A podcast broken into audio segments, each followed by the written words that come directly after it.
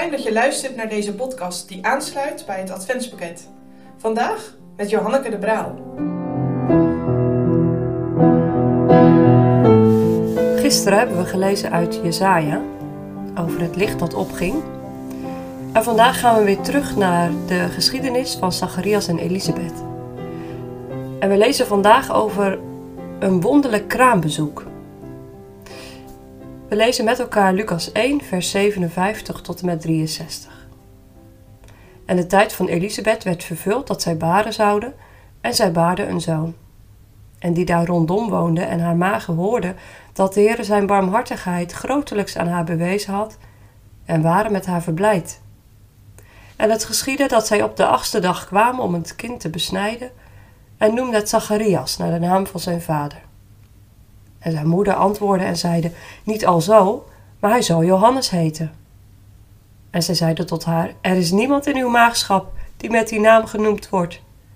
En zij wenkte zijn vader hoe hij wilde dat hij genaamd zou worden. En als hij een schrijftafeltje geëist had, schreef hij, zeggende: Johannes is zijn naam. En zij verwonderden zich allen. Heb je het al gehoord? In het anders zo rustige bergdorpje in Judea gonst het van geruchten. Overal zie je mensen met elkaar praten en hun gezichten staan blij. Heb je het al gehoord?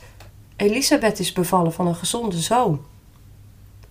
Wat was er de afgelopen maanden veel gebeurd? Eerst die situatie met Zacharias. Hij was teruggekeerd van de tempeldienst in Jeruzalem. Hij was stom, geen woord kon hij meer spreken. Het scheen dat hij een gezicht gezien had. En vlak daarna was er iets met Elisabeth. Ze kwam niet meer op de gebruikelijke tijd bij de waterput. En op de markt was ze niet meer te zien. Vijf maanden lang hadden ze alleen af en toe een glimp van haar opgevangen. Elisabeth had zich helemaal teruggetrokken uit het sociale leven.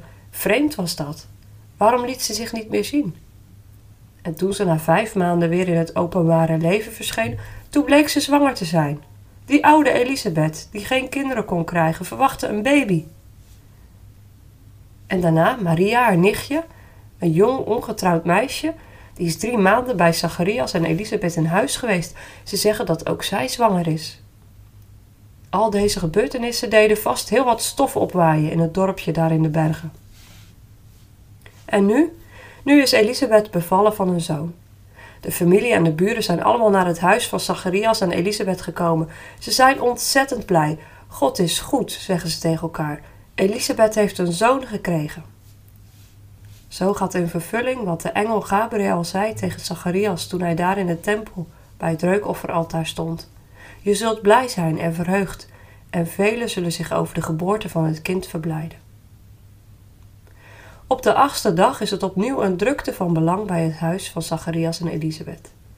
De kleine jongen zal vandaag besneden worden als teken van het verbond tussen Yahweh en het volk. Dat is ook het moment waarop de naam van het jongetje bekend wordt gemaakt. De buren en familie denken wel te weten hoe dit jongetje heet. Zacharias, vernoemd naar zijn vader. Nee, zegt Elisabeth haastig, hij zal Johannes heten. De mensen kijken haar verbaasd aan. Johannes? Er is toch niemand in je familie die zo heet, Elisabeth? Vragend kijken ze naar Zacharias. Hij moet maar uitsluitsel geven. Hoe zal de jongen genoemd worden? Zacharias pakt een plankje, wat met als was is bestreken. De aanwezigen kijken vol spanning toe, wat zal hij opschrijven? Eén voor één verschijnen de letters. Johannes is zijn naam. De mensen zijn verwonderd. Waarom heet het kind geen Zacharias? Zacharias, dat betekent God gedenkt. Dat was toch juist een passende naam geweest voor dit kind. Maar nu heet het kind Johannes. Yahweh is genadig, betekent dat. De mensen zijn verwonderd. Het gaat allemaal zo anders dan ze hadden verwacht.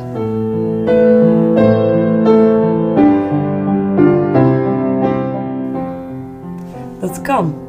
Dat je Gods werken ziet, soms op een wonderlijke manier in de levens van mensen om je heen, en dat je het niet kunt doorgronden en begrijpen.